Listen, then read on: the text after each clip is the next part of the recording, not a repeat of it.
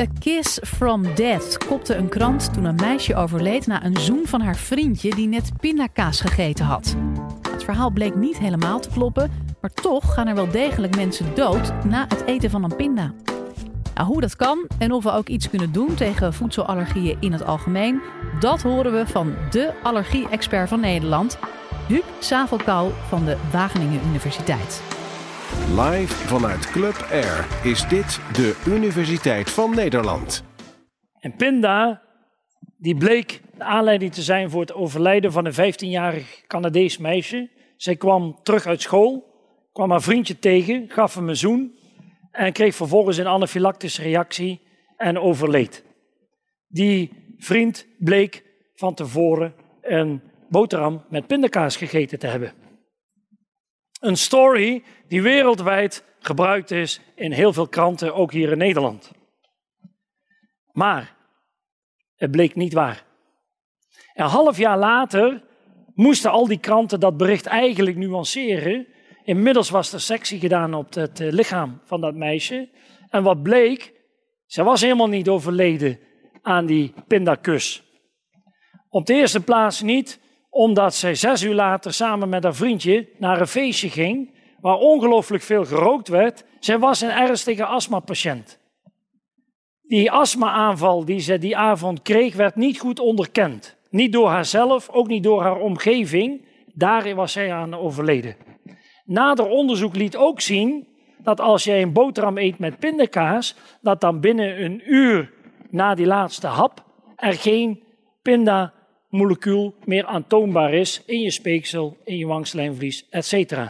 Je kunt overlijden na een eten van een pinda als je zware allergisch bent voor pinda's en als je blootgesteld wordt aan een klein beetje van die pinda en als je dan vervolgens een zogenaamde anafylactische reactie ontwikkelt.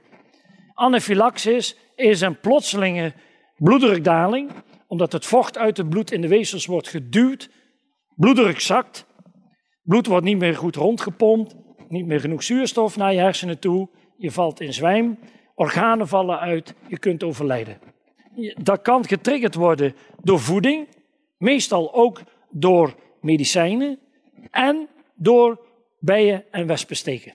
In Nederland overlijden gemiddeld gesproken zo'n vijf mensen aan, aan dit soort anafylactische reacties per jaar. Minder dan één gemiddeld daarvan is te wijten aan pinda. Dus het kan voorkomen, maar het is bijzonder zeldzaam. En het hangt maar helemaal af hoe zwaar allergisch je bent voor die pinda. In Europa heeft zo'n 17 miljoen mensen hebben last van voedselallergie. Zo'n 1 tot 2 procent van de volwassenen en zo'n 4 tot 7 procent van de kinderen. Interessant, is ook zo dat uh, voedselallergie vaker bij vrouwen voorkomt dan bij mannen. Terwijl andere vormen van allergie vaker bij mannen voorkomen dan bij vrouwen. Wat daar precies aan de hand is, is ook nog niet goed bekend. Voedselallergie neemt wel toe. Er is een grote Europese studie geweest die dat heeft aangetoond. We hebben onderzoek gedaan in Wageningen. We zijn op een veilingkist geklommen op zaterdag op de markt en gevraagd wie is er hier allergisch. 17% van de mensen zegt ik ben voedselallergisch.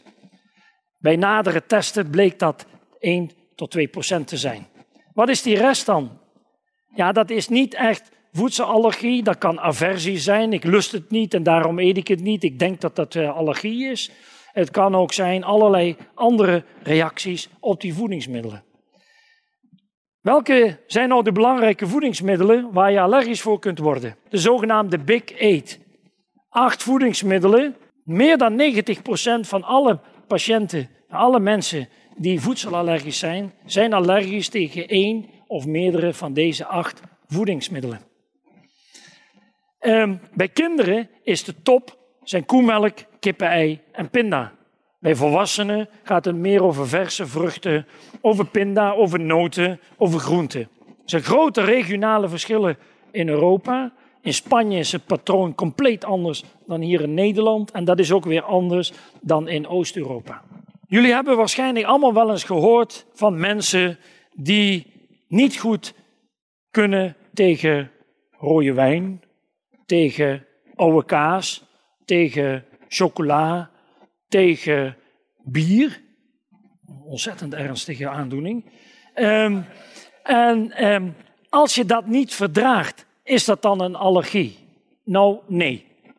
Dat noemen we een intolerantie. De definitie zegt dat als het immuunsysteem niet bij de reactie betrokken is, is het geen allergie, dan heet het een intolerantie. Je verdraagt het niet. Het komt meestal omdat er in dit soort voedingsmiddelen stofjes zitten die een reactie geven in het lichaam die lijkt op een allergie, maar die is het niet omdat het immuunsysteem er niet bij betrokken is. Verschillen tussen intolerantie en allergie zijn dat je bij een intolerantie meestal nog wel een beetje van het voedingsmiddel verdraagt, de reactie meestal wat later komt, omdat het voedingsmiddel eerst in de darm terecht moet komen, en dat de reacties gelokaliseerd blijven in de darm. Je voelt je misselijk, je gaat braken, je krijgt misschien diarree. Bij allergie verdraag je bijna niks van het stofje, is de reactie acuut, treedt onmiddellijk op binnen een paar minuten en de reactie kan plaatsvinden in de darm, maar meestal ook elders in je lichaam, in je huid, in je luchtwegen. Je krijgt veel complexere reacties. Welke ziekteverschijnselen treden nu op bij voedselallergie? Wel, een van de eerste reacties die je ziet heet het zogenaamde orale allergie-syndroom. Een zwelling van de lippen, angioeudeem, eh, vorming van een heleboel speeksel, tong wordt wat dik, misschien een beetje dichtgesnoerde keel.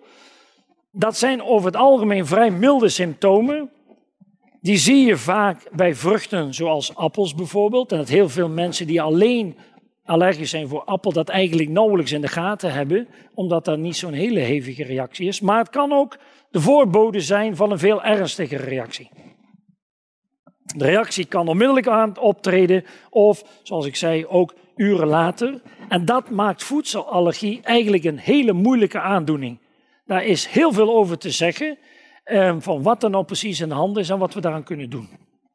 Wat veroorzaakt eigenlijk nu een allergie? Nou, allergische reacties worden eigenlijk uitsluitend gemaakt tegen eiwitten, structuren die aanwezig zijn in voedingsmiddelen. En we kennen op dit moment zo'n 120 verschillende eiwitten waar mensen soms een allergische reactie tegen ontwikkelen, een voedselallergie. Deze, de blootstelling aan dat soort eiwitten geeft in eerste instantie het ontstaan van een hele specifieke antistof, dat is de IgE-antistof. En zo'n antistof moet u zich voorstellen als een molecuul met twee handjes. En die twee handjes die herkennen identieke stukjes op dat eiwit in de voeding. Zowel links als rechts zie je hetzelfde stukje. Dat kan heel dicht bij elkaar zitten, dat kan iets verder weg zijn, maar je bindt het met zo'n antistof. Het lange stuk van het molecuul, dat is die IgE-antistof, dat bepaalt de biologische functie. Hoe weet je nu dat je allergisch bent? Nou, daarvoor eh, doen we een test die juist deze IgE-antistoffen aantoont. Die, die IgE-antistoffen Ehm, zitten bijvoorbeeld in je huid. Daar zijn ze gebonden aan celletjes, zogenaamde mestcellen. En die mestcellen die worden dan beladen met IgE-antistoffen. En als die vervolgens het allergeen wordt toegediend, het eiwit waar je voor reageert, we hebben daar IgE-antistoffen bij gegooid, nu gooien we er het eiwit bij, die cel die explodeert min of meer. En die bolletjes, die granula, bevatten stofjes zoals histamine en een heleboel andere stofjes. En die zijn verantwoordelijk voor de klinische klachten van een allergie. Hoe word je nu allergisch? Nou, zo'n 30% van het risico om een allergie te ontwikkelen is erfelijk bepaald. 70% komt dus door de omgeving. Je leefomgeving, je leefstijl, inclusief je voeding. Voedselallergie kun je nu ontwikkelen op twee verschillende manieren. De eerste is als babytje gelijk gaan reageren op die koemelk, kippen, of pinda. Daarbij specifieke IgE-antistoffen maken. En die aanleiding geven tot allergische klachten, vaak in de huid. We noemen dat luieruitslag of eczeem. De tweede, ik moet zeggen dat 85% van die kinderen daar binnen drie jaar overheen groeit. Dus niet allemaal, maar de meeste wel. De tweede manier om allergisch te worden is dat je lichaam getriggerd wordt door blootstelling bijvoorbeeld aan berkenpollen. De berk staat er weer bijna aan de bloei. En je zult dan pollenkorrels inademen. Daar zitten eiwitten op. En het immuunsysteem scant die eiwitten. En op een gegeven moment kun je IgE-antistoffen maken tegen die berkenpollen. Als je die antistoffen nou maakt, IgE tegen een berkenpol. Maar nu is er ook een eiwit, wat ook past in dit IgE-molecuul. Maar dat eiwit zit in een appel, zit in selderij, in wortels, in kersen, in hazelnoten, in een heleboel andere voedingsmiddelen. En we noemen dat kruisreactie. Dat is een hele specifieke reactie, maar die kan op enig moment in je leven optreden. Misschien zit dat eiwit, en dat is inderdaad zo, ook wel in de pinda. Dus je loopt een risico dat je uiteindelijk wel een pindaallergie ontwikkelt. Deze sleutel, die past niet hierin. Dat is een sleutel, dat is een voedingsmiddel, wat compleet verschillend is van die noten, van die pinda, van die appel en al die andere voedingsmiddelen. Dus dit kan een banaan zijn, of een avocado, of een kiwi, of een heleboel andere dingen. Ja? Dus dat is kruisreactie. Wat nu heel interessant is, is de vraag: is een pinda-allergie hetzelfde als een notenallergie? Nee, dat is niet hetzelfde. Een pinda is geen noot. Een pinda is familie van de ert. Het is een vlinderbloemige. Alleen, het is wel zo dat als je allergisch bent tegen boomnoten, dan loop je dus een risico om uiteindelijk ook allergisch te worden tegen pinda's. Maar dat kan heel lang duren, eh, kan ook heel snel gaan, moeilijk te voorspellen. Kunnen we er nu iets aan doen? Ja, het typische advies is allergeenvermijding. Niet in contact komen met dat allergeen. Ja, dat klinkt heel makkelijk, kan misschien bij een of ander exotisch kruid, maar bij pinda is dat heel erg moeilijk, want het is verwerkt in heel, heel veel levensmiddelen. Je kunt medicatie gebruiken, een beetje antihistaminicum om milde klachten te voorkomen. En misschien wel zo'n EpiPen, een adrenalinepen, als je echt risico loopt op zo'n anafylaxis. De boeiende vraag tot slot is, kunnen we het ook voorkomen? En kunnen we voedselallergie voorkomen? En dat heeft te maken met het tijdstip van introductie van pinda in ons dieet.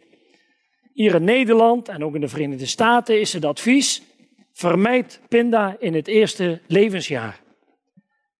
Minder blootstelling aan pinda, misschien minder allergie. Vorig jaar is een uitermate interessante studie verschenen, waarbij men aan hele jonge kinderen vanaf de geboorte gedurende de eerste vijf levensjaren een pindasnack heeft gegeven. Bamba. En wat je ziet is, het aantal patiënten die lijden aan een pindaallergie is dan veel en veel minder. Als die onderzoekers dit dus toepasten in een studie, bleek dat het risico op pindaallergie een factor 4 was verlaagd. Een geweldig groot effect. Maar het is maar één studie. We weten niet of het eh, werkelijk zo is. Het moet herhaald worden. Pinda geeft dus voedselallergie. Het kan anafylaxis geven. Je kunt eraan overlijden. Vermijding kan, maar is moeilijk. Gaat lang niet altijd. Het gaat hier misschien wel om immunologische tolerantie-inductie, om op jonge leven extra pinda te geven. Maar wat absoluut nodig is om dit beter te begrijpen, is kennis van het immuunsysteem. En dat is ontzettend boeiend. Dit was de Universiteit van Nederland. Wil je nou nog meer wetenschappelijke antwoorden op spannende vragen? Check dan de hele playlist.